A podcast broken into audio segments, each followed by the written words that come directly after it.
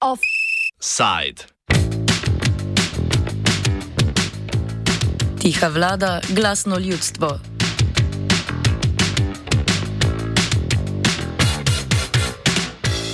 Na Ministrstvu za zdravje so potem, ko ga je prevzela Valentina Prevoljnik Rupel, zavihali rokave in socialnim partnerjem v pregled poslali predlog novega zakona o nujnih ukrepih na področju zdravstvenega varstva. Že pred dobrim mesecem so podpise za svoj predlog zakona o spremembah in dopolnitvah zakona o nujnih ukrepih za zagotovitev stabilnosti zdravstvenega sistema začeli zbirati v inicijativi Glas ljudstva. Predlagatelji obeh predlogov trdijo, da bo njihov predlog služil kot osnova za rešitev slovenskega zdravstva, česar se lotevajo z različnima pristopoma.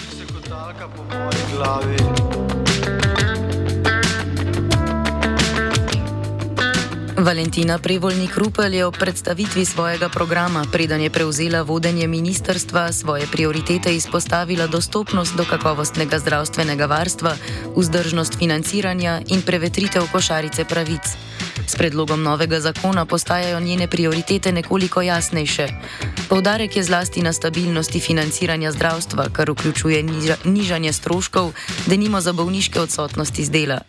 Celoten predlog zakona komentira Irena Ilešič Čujovič, predsednika Sindikata zdravstva in socialnega varstva Slovenije.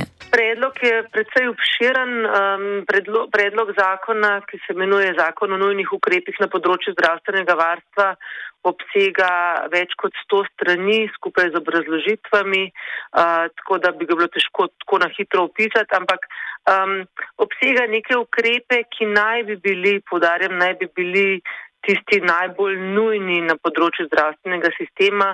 Moja prva ocena je, um, da med temi ni najti, najti nekega um, res ta, tako zelo nujnega ukrepa, ki bi pomenil to, da se obide socialni dialog, torej da sploh ni socialnega dialoga, da se z nikomer um, Ministrstvo za zdravje o tem zares ne pogovarja in usklajuje in tudi, da je treba tak zakon sprejeti po nujnem postopku, torej brez javne obravnave, brez razprave v državnem zboru. Um, to so, niso, tak, niso taki ukrepi, no, po moji oceni. Na področju bolniške odsotnosti bi po predlogu interventnega zakona nadomestilo za odsotnost dela omejili na največ 2,5-kratnik povprečne bruto plače. To v praksi pomeni, da bi se nadomestilo znižalo na tiste, katerih bruto mesečna plača doseže vsaj okrog 5500 evrov v primeru 100 odstotnega nadomestila. Obenem na ministerstvu predlagajo spremembo razmerja plačevanja bolniških nadomestil med delodajalci in državo. Po trenutni zakonodaji delodajalec plača prvih 20 delovnih dni bolniške odsotnosti, zatem breme plačevanja na svoja pleča vzame država oziroma Zavod za zdravstveno zavarovanje Slovenije. Po predlogu bi se obdobje, ko nadomestilo plačuje delodajalec, podaljšalo na 30 delovnih dni. Spremembe glede bolniških nadomestil, ki jih predvideva predlog, komentira Ilešič Čujovič. Zakon predvideva, oziroma predlog zakona predvideva nižanje uh, odstotkov nadomestil v času bolniškega staleža, uh, oziroma pač drugačno ureditev glede odstotkov nadomestil in tudi tako imenovano kapico na bolniška nadomestila, um, ki um, je do sedaj ne bi bilo. Torej, pač predvideva neke reze, neke posege v sistem bolniških nadomestil. Po našem mnenju pač se to ne da narediti z nujnim ukrepom oziroma je treba bolj kompleksno pogledati, kateri bi bili tisti ukrepi, ki bi vplivali na absentizem, ki pa zagotovo je problem naše družbe v celoti oziroma pač vseh delavcev. Sindikalistka opozarja na to, da morda izgleda, kot da bo država z ukrepom prihranila veliko denarja, a na koncu prihranki verjetno ne bodo tako veliki, kot so zdaj. Moja domneva je, da je verjetno zadej uh, nek prihranek, um, ampak je po mojem to relativno parcialno gledanje na to, kakšen prihranek bo, uh, način, na kakršnega se je Ministrstvo za zdravje v tem trenutku lotilo sprejemanja teh ukrepov, po mojem ne bo uh, prineslo kakšnih posebnih prihrankov. Upala bi si domnevati, da kvečamo obratno, ker uh, ljudje, če jim nekaj uh, se ne zdi, da je to njihova odločitev ali pa da so sploh imeli možnost um, so odločati pri um, nastajanju ukrepov, um, ukrepov ne spremejo kot svojih. Predlog zakona zahteva tudi obremenitev zdravnikov oziroma njihove dolžnosti. Dežurstvo na področju nujne medicinske pomoči bi po predlogu razširili na vse zdravnike, trenutno pa so koncesionarji iz dežuranja izuzeti. Ilešič Čujovič meni, da je to eno od redkih področji, kjer gredo predlogi zakona v pravo smer. V tem delu jaz mislim, da je zakon v pravo smer šel, no? torej, da so ukrepi šli v pravo smer. Uh, namreč težava v osnovi je v, se, v sedanjem sistemu, sedaj veljavnem sistemu, da se, uh, bom rekla po domače, koncesionari praviloma ne uh, vključujejo v neprekinjeno zdravstveno varstvo, torej po domače v dežurstvo, uh, medtem ko se tisti, ki so zaposleni v Eh, javnih zdravstvenih zavodih se in tukaj bi, ne bi smel biti razlik, torej enako um, bi se morali vključevati tudi koncesionarji, torej tisti, ki so zaposleni oziroma imajo uh, koncesije za upravljanje dela v zdravstvenem sistemu. Tako da v tem delu gre zakon, po mojem mnenju, v pravo smer.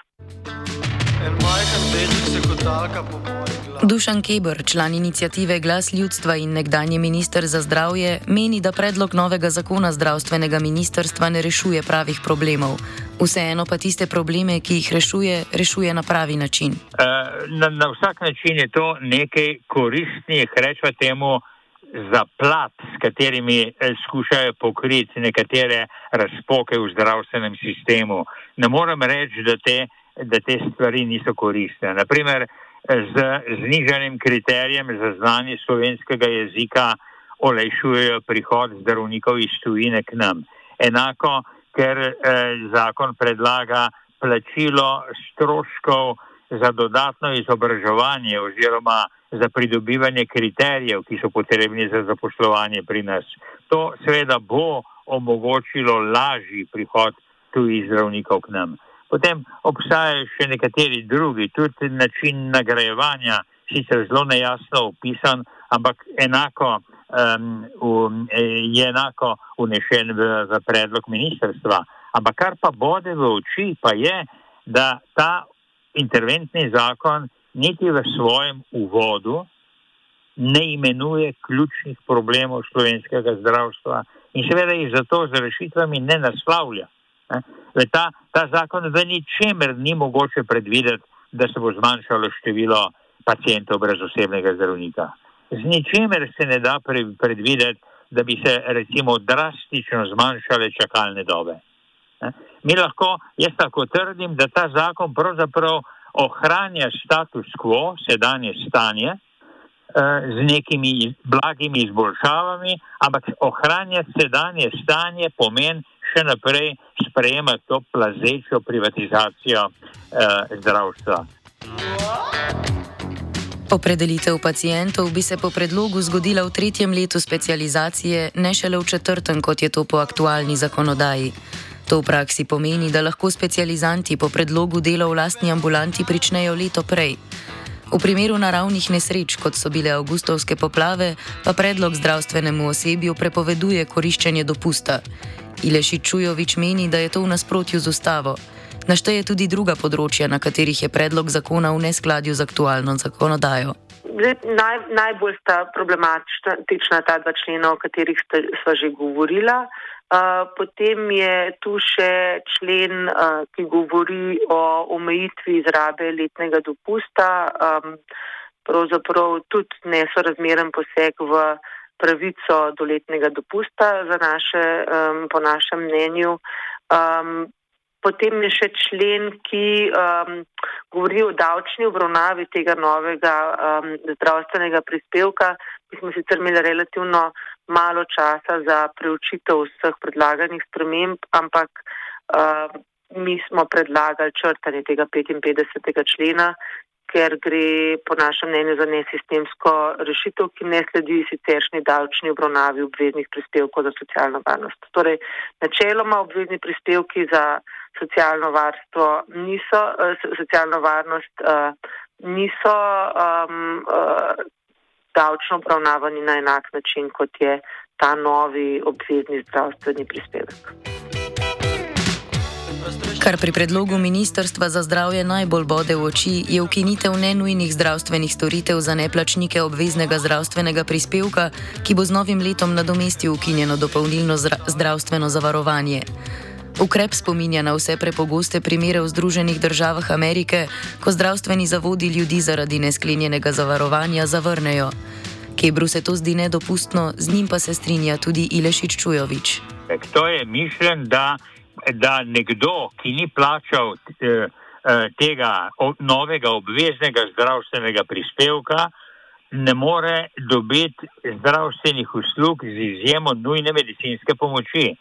Niti ne omenjam, da kdo bo zdaj to ugotavljal, da bojo to, ne vem, zdravstveni delavci, ko bojo pripeljali na vrata nekega pacijenta. To me spominja na Ameriko, kjer te najprej vprašajo, si zavarovan in potem te vržejo skozi vrata, če nima zavarovanja. Uh, uh, to pri nas, ta, ta, ta predlog prinaša, seveda, ne kar za vse. Uh, ne prinaša, to ne prinaša, rečemo, za te nas normalne, v narekovajih, državljane, ampak, oziroma, bom rekel, zaposlene v javnem sektorju, ampak prinaša, seveda, za vse tujce, ki so na ta ali oni način zavarovani, pa.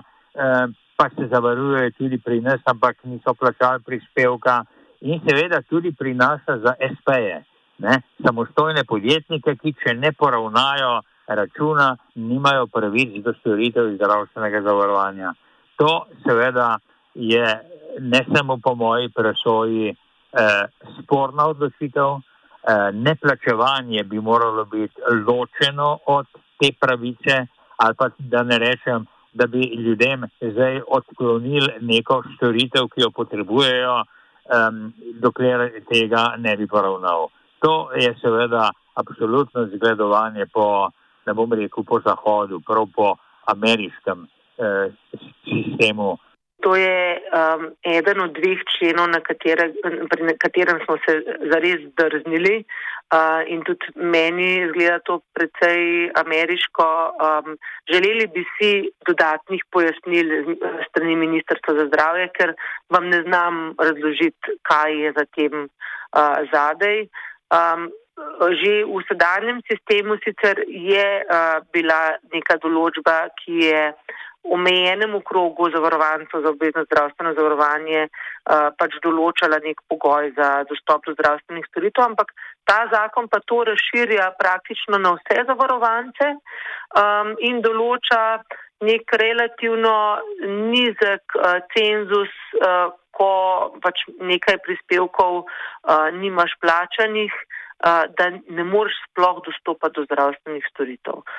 Meni se zdi to pač kot državljanki, um, kaj šele pač kot nekomu, ki zastopa velik del tudi pacijentov, ne, naših članov, ki so hkrati tudi lahko pacijenti, um, se mi zdi to nezaslišano. No. Tako da mi smo predlagali črtanje celotnega 34. člena, ki govori o zadržanju pravici zdravstvenega zavarovanja.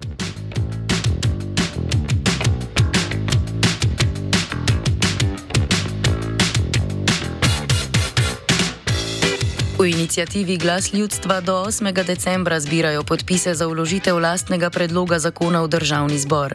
Gre za predlog novele interventnega zakona za zagotovitev stabilnosti zdravstvenega sistema, ki ga je državni zbor sprejel minulo poletje na pobudo takratnega ministra Daniela Bešiča Loredana. Kibr predstavi predlog glasu ljudstva. Naš predlog se pravzaprav eh, loteva ključnih kriznih problemov uh, slovenskega zdravstva, čeprav seveda mislimo in smo pričakovali, da bo to seveda naredila vlada, ki je to obljubila na začetku tega mandata. Ampak eh, ta sedanja vlada doslej niti ne identificira ključnih problemov s pravim imenom, ne naštejem. recimo praktično ne govori o problematiki 140 tisoč ljudi brez zdravnika, čeprav to zdaj ni več samo zdravstveni problem, ampak je to moralni problem te družbe, da, da sploh dovoli, da ljudje nimajo zdravnika. Potem zelo malo ali nič ne ukrepa v zvezi s čakalnimi dobami. Mimo grede, vi veste, da so se v zadnjem letu čakalne dobe še podaljšale. E, še več ljudi čaka in še več ljudi čaka na prvi pregled pri specialistu, kar je posebej zavrženo. Nič ne stori v zvezi s to naraščajočo privatizacijo zdravstva, ki se kaže predvsem s tem fenomenom zdravnikov v dvojni praksi oziroma, kot jih imenujemo, dvoživke. Zdravniki, ki pravzaprav imajo vse ugodnosti v javnem sistemu, od plače, boleznin, dopustov, izobraževanj in odhajajo potem popovdne delati eh, v zasebno prakso, kjer seveda dobijo dvakrat ali trikrat več denarja. Ne samo to, celo sam prejšnji minister je bil dvoživka. Skratka, tudi če se lahko bi še dodal vprašanje koncesij, proti katerim se seveda ne borimo, ampak borimo se pa proti temu, da se, za, da se koncesije nezakonito podeljujejo in da se ne podeljujejo z namenom, kot je predpisan v zakonu. Prvi ukrepi, ki jih predlagajo v glasu ljudstva, služijo krajšanju čakalnih vrst. Augusta je na pregled nedopustno dolgo čakalo 77 tisoč ljudi, za nekatere specialistične preglede pa termine razpisujejo za sedem let naprej. Kaj v glasu ljudstva predlagajo za spopadanje s tem? No, pri skrajševanju čakalnih vrst je treba vedeti, da imamo natančno toliko zdravnikov, kot jih imamo, da je treba računati na nje, da seveda lahko hkrati razmišljamo in tudi smo deloma samo uspešni s prihodom zdravnikov iz tujine, ampak ta prihod je tako mehen, da tega problema ne more rešiti. Zato je treba ugotoviti, ali z obstoječimi zdravstvenimi delavci lahko povečamo število storitev za nje.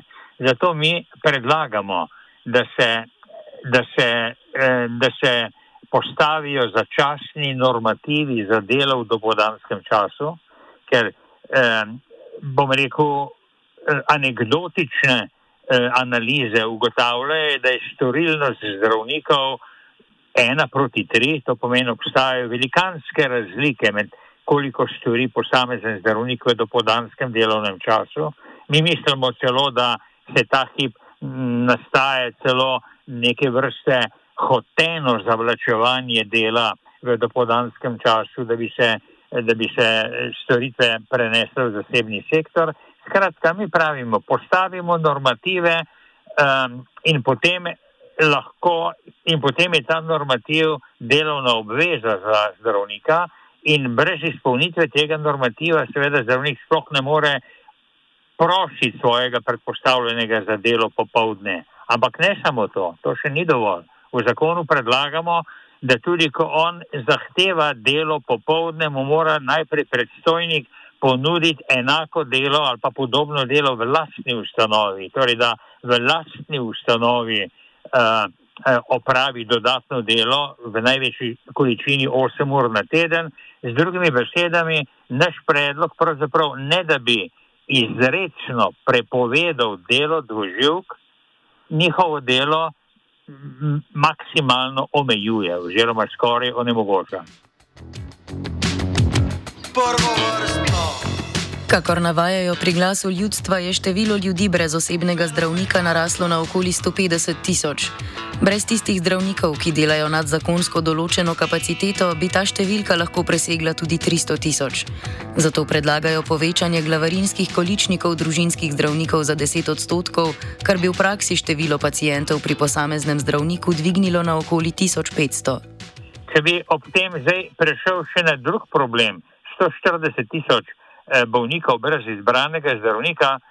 Eh, ta problem je nastal, ker je minister Šabeder leta 2019 tedajni normativ, ki je bil znižan že dve leti poprej, razglasil tudi za zgornjo mejo, nad katero lahko zdravniki odklanjajo bolnike.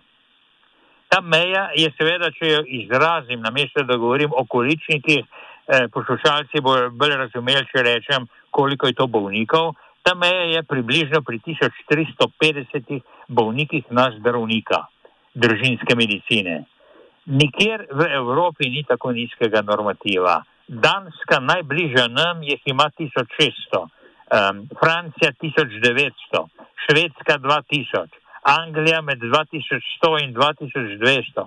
Skratka, ni res, da bi bil ta naš normativ že tako napet, da ga je ne mogoče zvišati in predvsem ga pred leti ne bi smeli znižati, ker je to nezakonito, ker so s tem 300 tisoč ljudi teoretično oropali zdravnika. Ker bi se seveda vsi zdravniki držali tega novega normativa, k sreči še zmeri slaba polovica zdravnikov zadržuje svoje prejšnje bolnike, ampak ko se bojo ti upokojevali in to se dogaja, se bo število bolnikov samo po, brez zdravnika samo povečevalo. In naš predlog v zakonu je zelo preprost in izvršljiv čez noč. Zvišajte nazaj normativ. Če ste ga čez noč znižali, ga čez noč zvišajte in, in sploh ni potrebno, da se ga zviša na nekdanjega. Mi predlagamo, da se zviša za 10% in že bi sedajni pacijenti brez zdravnika imeli zdravnega zdravnika. Fenomenalno! V glasu ljudstva opozarjajo tudi na problem dvoživkarstva, torej zdravnikov, ki dopoledne delajo v javnih zavodih, popoldne pa še v zasebnih ambulantah. Na vse zadnje je bil taka doživka tudi prejšnji minister za zdravje Daniel Bešič Loredan.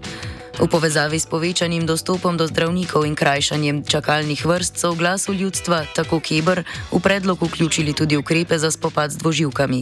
Za omen je pa vsekakor potrebno še koncesionarje.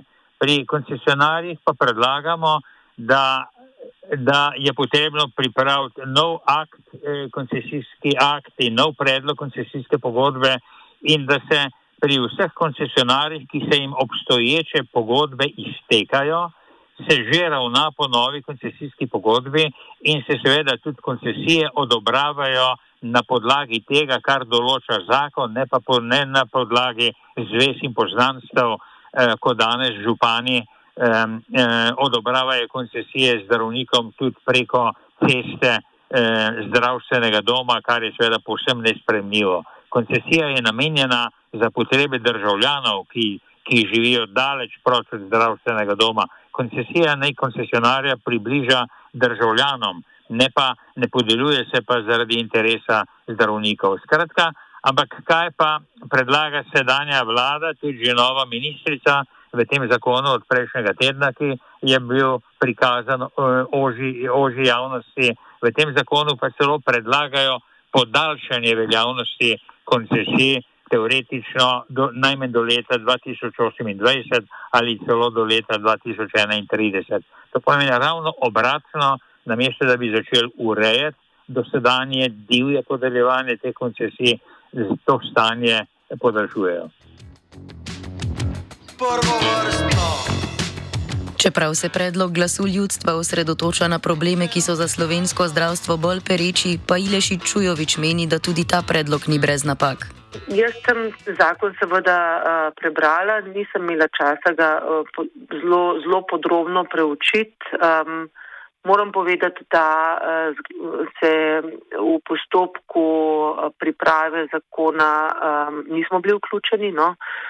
tako da kakšne rešitve, ki so v zakonu, um, imajo dober namen, pa bi bile po mojem prepričanju lahko tudi bolje zapisane.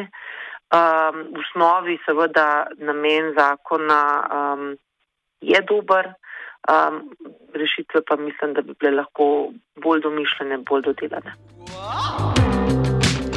V inicijativi Glas ljudstva so ministrico Prevoljni Krupel povabili na soočenje s pacijenti, ki ga pred zdravstvenim ministrstvom organizirajo v petek. Doslej od ministrice niso prejeli odgovora.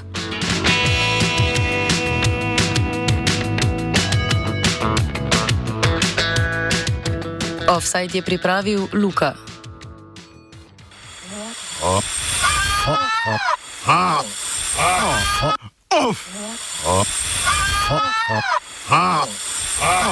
Offside.